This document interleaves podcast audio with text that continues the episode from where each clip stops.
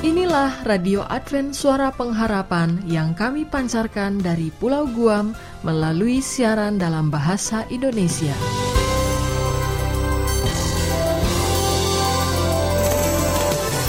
Salam sejahtera kepada saudara pendengar di mana pun Anda berada. Selamat berjumpa kembali dengan kami Radio Advent Suara Pengharapan. Dengan senang hati kami akan menemani Anda dan keluarga dengan rangkaian acara yang telah kami persiapkan bagi Anda sekeluarga dan harapan kami kiranya siaran ini dapat bermanfaat dan menjadi berkat bagi kita semua. Selamat mengikuti dan selamat mendengarkan. Tuhan memberkati.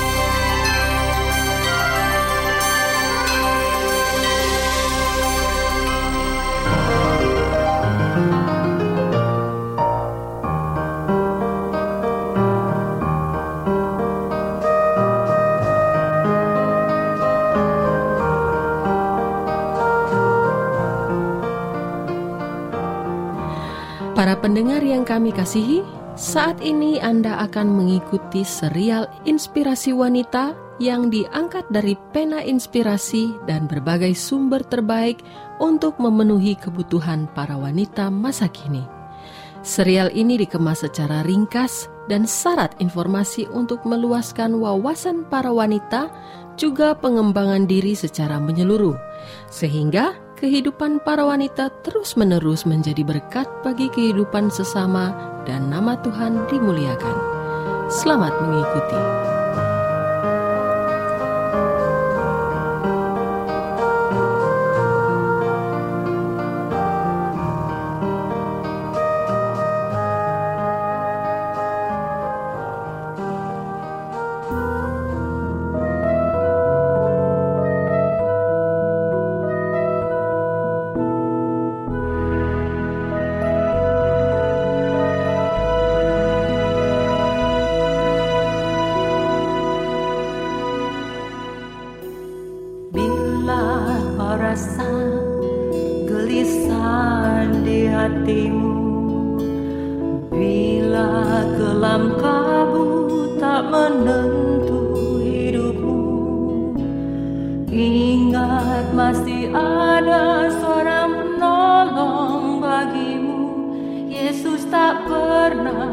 Jauh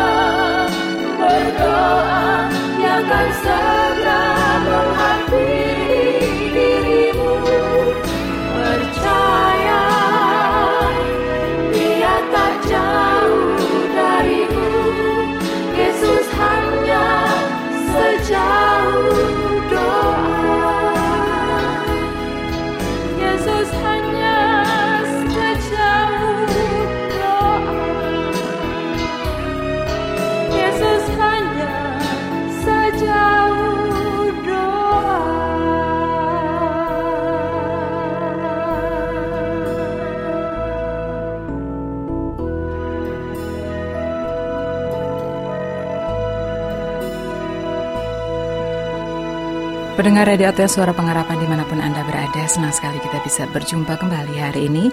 Dan khususnya untuk Anda rekan wanita, saya ingin menyapa Anda. Mudah-mudahan hari ini Anda lebih berbahagia lagi dari hari-hari sebelumnya. Dan untuk Anda rekan wanita, kali ini kita akan membahas tentang bayi yang terlambat lahir. Nah, untuk Anda yang saat ini mungkin sedang menyiapkan calon buah hati Anda, jangan khawatir kalau bayi Anda terlambat lahir ya. Kita akan membahas sedikit tentang mengapa bayi terlambat lahir. Pendengar wanita, kenapa bayi itu terlambat lahir? Apakah resikonya? Nah, rekan wanita, idealnya persalinan normal terjadi pada usia kehamilan 38 sampai 41 minggu.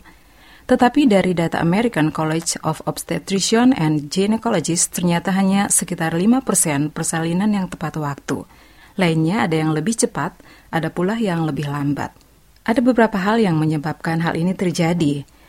Ternyata penyebab sebagian besar keterlambatan persalinan adalah kesalahan dalam menghitung waktu persalinan. Dari sekian banyak keterlambatan persalinan itu, yang benar-benar terlambat hanya sekitar 2 persen. Sayangnya, hingga sekarang penyebabnya tidak diketahui dengan pasti. Yang jelas jika memang Anda belum juga melahirkan padahal usia kehamilan sudah lebih dari 41 minggu, kemungkinan besar plasenta yang jadi penghubung Anda dan janin sudah tidak bekerja secara efektif lagi. Pada kondisi seperti ini, janin tak lagi dapat pasokan makanan secara optimal – Selain itu jumlah cairan ketuban juga semakin berkurang. Akibatnya ketika bayi bergerak atau terjadi kontraksi rahim, tali pusat sering terjepit dan tertekan di antara tubuh janin dan dinding rahim. Lagi-lagi kondisi ini membuat pasokan makanan dan oksigen ke janin terhambat. Akibatnya, denyut jantung janin pun melemah. Kalau sudah seperti ini keadaannya, proses persalinan harus segera dilakukan. Entah melalui operasi sesar atau bila pembukaan jalan lahir sudah lengkap, bisa dilakukan persalinan normal dengan bantuan ekstrasi vakum. Biasanya dokter akan menganjurkan pemberian stimulasi persalinan kalau usia kehamilan melampaui batas normal. Stimulasi persalinan yang diberikan diharapkan menurunkan resiko operasi sesar. Selain itu, untuk mengurangi berbagai resiko yang membahayakan bayi maupun ibu, pada saat kehamilan Anda sudah masuk minggu ke-41, biasanya dokter menganjurkan untuk melakukan pemeriksaan atau pemantauan.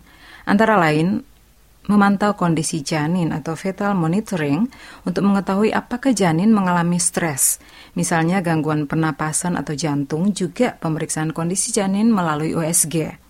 Kalau hasil pemeriksaan menunjukkan bayi masih aktif dan sehat, serta jumlah cairan ketuban juga normal, Biasanya dokter akan melanjutkan memonitor sampai proses persalinan mulai secara alami. Tetapi bila dalam seminggu persalinan belum juga terjadi, biasanya dokter akan melakukan stimulasi persalinan. Sebaliknya, jika hasil pemeriksaan menunjukkan janin mengalami problem, dokter pun akan menentukan langkah selanjutnya, misalnya memberi stimulasi agar proses persalinan segera berjalan. Tindakan ini disebut induksi persalinan, bisa dengan infus atau pemasangan balon untuk membuka leher rahim sehingga kontraksi bisa mulai terasa, atau dengan mempersiapkan persalinan lewat operasi sesar. Namun syukurlah dengan berbagai alat pemantauan semakin canggih seperti USG dan kardiotokografi atau memantau pola denyut jantung janin serta pola kontraksi rahim ibu, berbagai risiko pun bisa semakin dieliminir. Dan rekan wanita, ada beberapa hal yang menyebabkan bayi itu telat lahir dan resikonya antara lain adanya dysmaturity post-maturity syndrome. Bayi lahir dengan kuku dan rambut panjang, tubuh juga lebih panjang dan kurus serta kulit yang keriput karena lemak tubuh yang berkurang. Kemudian fetal distress atau gawat janin. Bayi tidak mendapat cukup oksigen sehingga denyut jantungnya tidak normal dalam kondisi ini, persalinan harus dipercepat dengan operasi atau bantuan vakum. Kemudian meconium aspiration, yaitu janin mengeluarkan kotoran atau tinja ke cairan ketuban dan mengisapnya ke paru-paru. Hal ini dapat menyebabkan bayi menderita pneumonia atau infeksi paru-paru. Kemudian ada makrosomia, yaitu bayi tumbuh terlalu besar sehingga menyulitkan proses persalinan normal. Yang terakhir, stillbirth, yaitu bayi meninggal dalam rahim. tetapi dengan alat monitor yang semakin canggih, kemungkinan terjadinya hal ini jadi berkurang. Nah, rekan wanita, demikian informasi yang bisa saya bagikan untuk Anda. Mudah-mudahan dengan informasi tadi bisa membawa manfaat untuk Anda dan Anda bisa lebih berhati-hati lagi dengan kehamilan Anda. Semakin banyak kontrol ke dokter, mudah-mudahan informasi ini bisa menjadi berkat bagi Anda semua dan sampai jumpa dalam ruang serba-serbi wanita mendatang.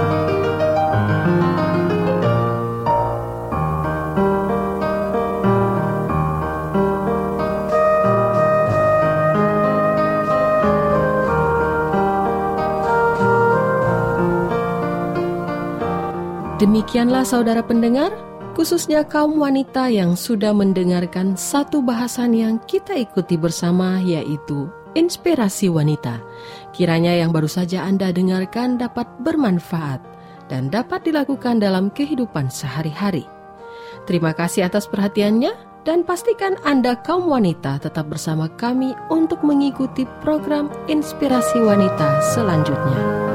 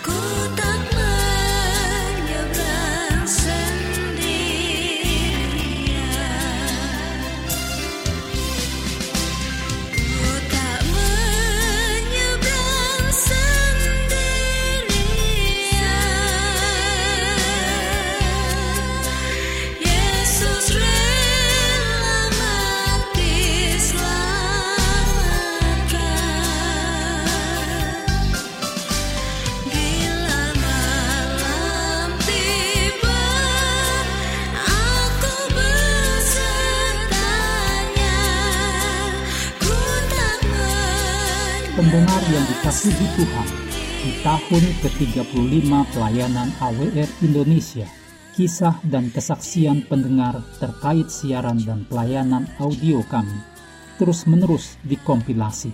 Terima kasih banyak untuk yang sudah menyampaikan dan masih terbuka bagi Anda semua untuk segera SMS atau telepon ke nomor AWR di 0821 1061 1595 atau 0816 1188 302 untuk WhatsApp dan Telegram.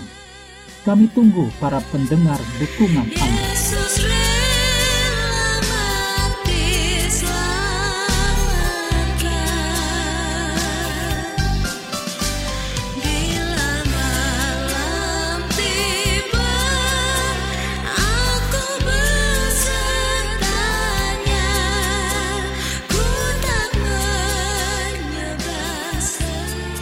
Selanjutnya, marilah kita mengikuti mimbar suara pengharapan. Dan Yesus mau datang segera. Nyanyi musafir dan pujikanlah,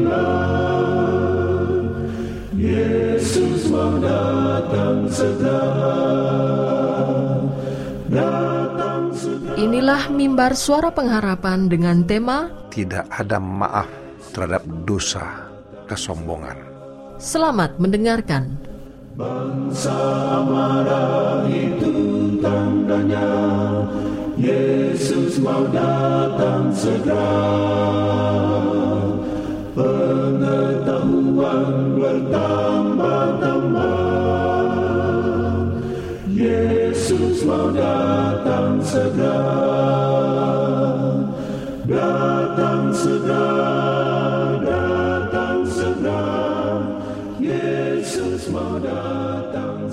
Salam saudaraku yang diberkati Tuhan, kita patut bersyukur atas segala berkat dan kasih karunia Tuhan yang memberikan kita kesempatan mendengar firman Tuhan dalam acara Mimbar Suara Pengharapan bersama saya Pendeta Togar Simanjuntak dengan judul pembahasan kita Tidak ada maaf terhadap dosa kesombongan. Nah, saudara mungkin saudara bertanya, bagaimana dosa kesombongan itu? Nah, dosa kesombongan itu, saudaraku, adalah dosa orang yang selalu merasa dirinya benar selalu merasanya lebih tinggi dari orang lain, selalu merasa lebih tahu daripada orang lain, dan selalu menempatkan dirinya bahwa dia selalu melakukan apa yang benar sesuai perintah Tuhan. Dia merasa tidak pernah melakukan kesalahan, bahkan dia pun tidak segan-segan untuk menyalahkan Tuhan bahwa hidupnya itu adalah selalu benar dan firman Tuhan itu bisa dilakukan, dituruti dengan sempurna. Itu yang terjadi, saudaraku. Kesombongan itu membuat kita tidak sadar kita sudah berdosa, tidak sadar bahwa kita mempunyai kematian yang datang menyerang kita. Kesombongan tidak membuat kita untuk berubah menjadi yang lebih baik, bahkan lebih ganas, lebih jahat daripada sebelumnya. Dalam Yeskil 28:17 katakan, Engkau sombong karena kecantikanmu, hikmatmu kau musnahkan demi semarakmu. Nah, Biasanya orang sombong, saudaraku, dia selalu menonjolkan dirinya dalam segala hidupnya. Dia menonjolkan pengetahuannya, dia menonjolkan kelebihannya, dia membuat seolah-olah dialah yang terbaik dan lebih baik daripada yang lain. Ini sangat berbahaya. Nah, Lucifer pada saat di sorga, dia mempunyai jabatan yang sangat besar, yang luar biasa, yang tinggi. Dia pemimpin biduan, ya. Artinya katakan dia mau mengepalai yang diciptakan malaikat-malaikat surga tunduk kepada dia. Tunduk dalam arti kata bukan tunduk seperti pada Tuhan ya, tapi sebagai bawah apa sebagai bawahan kepada atasan saja seperti biasa. Nah, artinya Lucifer punya jabatan sangat luar biasa ya. Nah, dosa Lucifer tak dapat diterangkan secara detail memang, tetapi dosa kena kesombongannya itu dia tidak bisa menerima ajakan Tuhan untuk bertobat dan kembali ke dalam hadirat Tuhan, kembali dalam kebenaran itu, dan bersama-sama hidup damai di sorga. Lucifer tidak mau melakukan itu. Lucifer telah berlaku tidak setia kepada Tuhan. Sungutan dan keluhannya menimbulkan simpati di antara para malaikat. Dan banyak yang memihak kepada setan Lucifer. Bagaimanakah Tuhan menghancurkan kekuatan dari tuduhan-tuduhan itu. Setan begitu pintarnya menghasut, memutarbalikkan fakta kepada malaikat-malaikat di surga. Dia membuat suatu cerita yang begitu ter mengharukan, ya, dramatisir pembicaranya sehingga seolah-olah dia adalah orang yang tertekan, orang yang dijolimi, orang yang disakiti, orang yang membuat dia sangat menderita. Dan banyak malaikat yang percaya. Dan Tuhan juga harus hati-hati untuk uh, menghancurkan kesalahan mereka ini. Kalau tidak salah-salah di Tuhan dikatakan diktator. Menghadapi kuasa Tuhan setan, maka bukanlah rencana Tuhan untuk memperlakukan dia sebagaimana selayaknya. Si penggoda itu akan melemparkan segala kesalahannya kepada mereka yang berada di bawahnya. Ia akan menunjukkan seolah-olah jika saja ia telah bertindak sesuai dengan pertimbangannya, dengan peraturan yang ada, maka segala demonstrasi pemberontak itu akan dapat dicegah. Kuasa setan yang mempersalahkan itu akan menuntun setan membentuk sebuah teori keadilan yang bertentangan dengan rahmat. Ia menyatakan kepemimpinan sebagai suara dan kuasa Tuhan. Ia menyatakan bahwa keputusan itu adil, suci dan tanpa salah. Inilah hebatnya setan. Dia putar balik fakta bahwa apa yang dilakukan adalah benar dan adil, sesuai dengan uh, kebutuhan malaikat-malaikat surga saat itu. Dan dia merasa pertimbangannya benar. Dinyatakan. Dan banyak malaikat tergoda dan berhasil diseret sama dia. Kemudian setan yang mempersalahkan itu akan menuntun dia membentuk akan sebuah teori keadilan yang bagaimana dia yang benar. Dan dia menyatakan pemimpinnya sebagai suara dan kuasa Tuhan. Menyatakan bahwa dia adalah orang yang benar-benar, orang yang tanpa salah. Namun bagaimanakah alam semesta ini mengetahui bahwa Lucifer bukanlah seorang pemimpin yang dapat diandalkan dan benar. Bukan seorang pemimpin yang benar. Artinya dia pemimpin yang baik, yang benar. Bagaimana kita mengetahui bahwa dia pemimpin yang pemberontak, pemimpin yang melawan kepada Tuhan. Pada pandangan mereka tampaknya ia benar. Mereka tidak dapat melihat sebagaimana Tuhan melihat. Di balik penampilan luar, mereka tidak dapat mengetahui sebagaimana Tuhan kendali mengetahuinya. Untuk bekerja membuka kedoknya dan memaparkan kepada yang malaikat malaikat yang dan pertimbangannya itu bukanlah pertimbangan Tuhan. Karena pertimbangan Tuhan sangat berbeda jauh dengan pertimbangan malaikat-malaikat. Mereka tidak melihat, saudaraku, apa yang terjadi di balik pemberontakan Lucifer ini.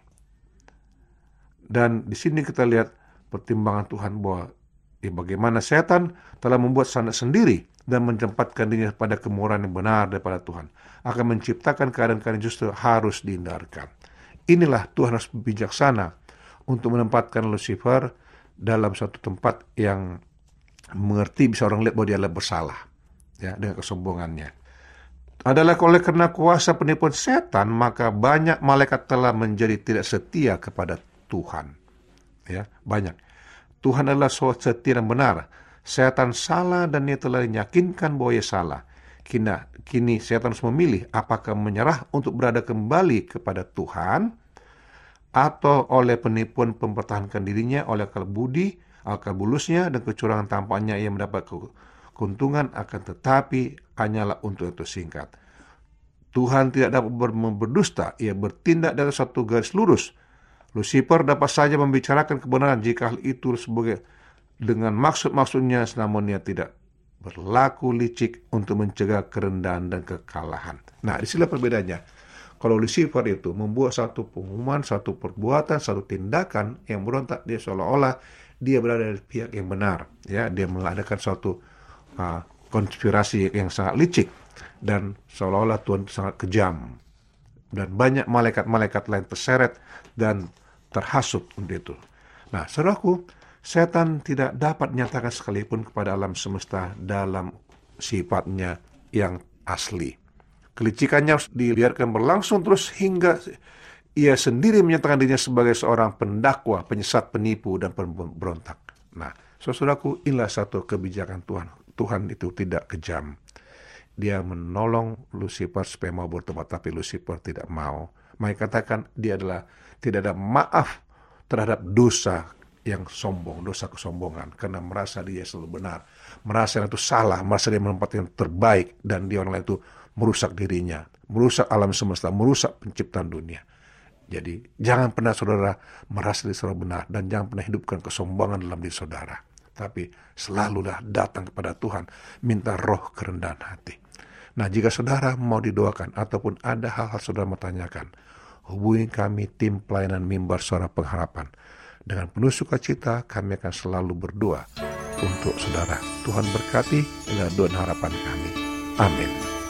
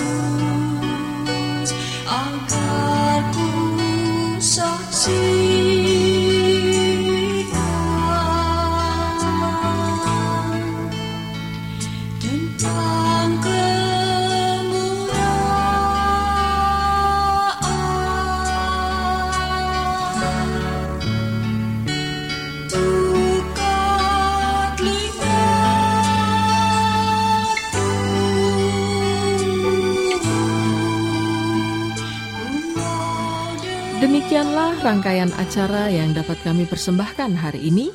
Dan apabila Anda mempunyai pertanyaan atau ingin mendapat pelajaran Alkitab penemuan baru, Anda dapat mengirim surat ke alamat Radio Advent Suara Pengharapan, PO Box 8090 Jakarta 12810 Indonesia.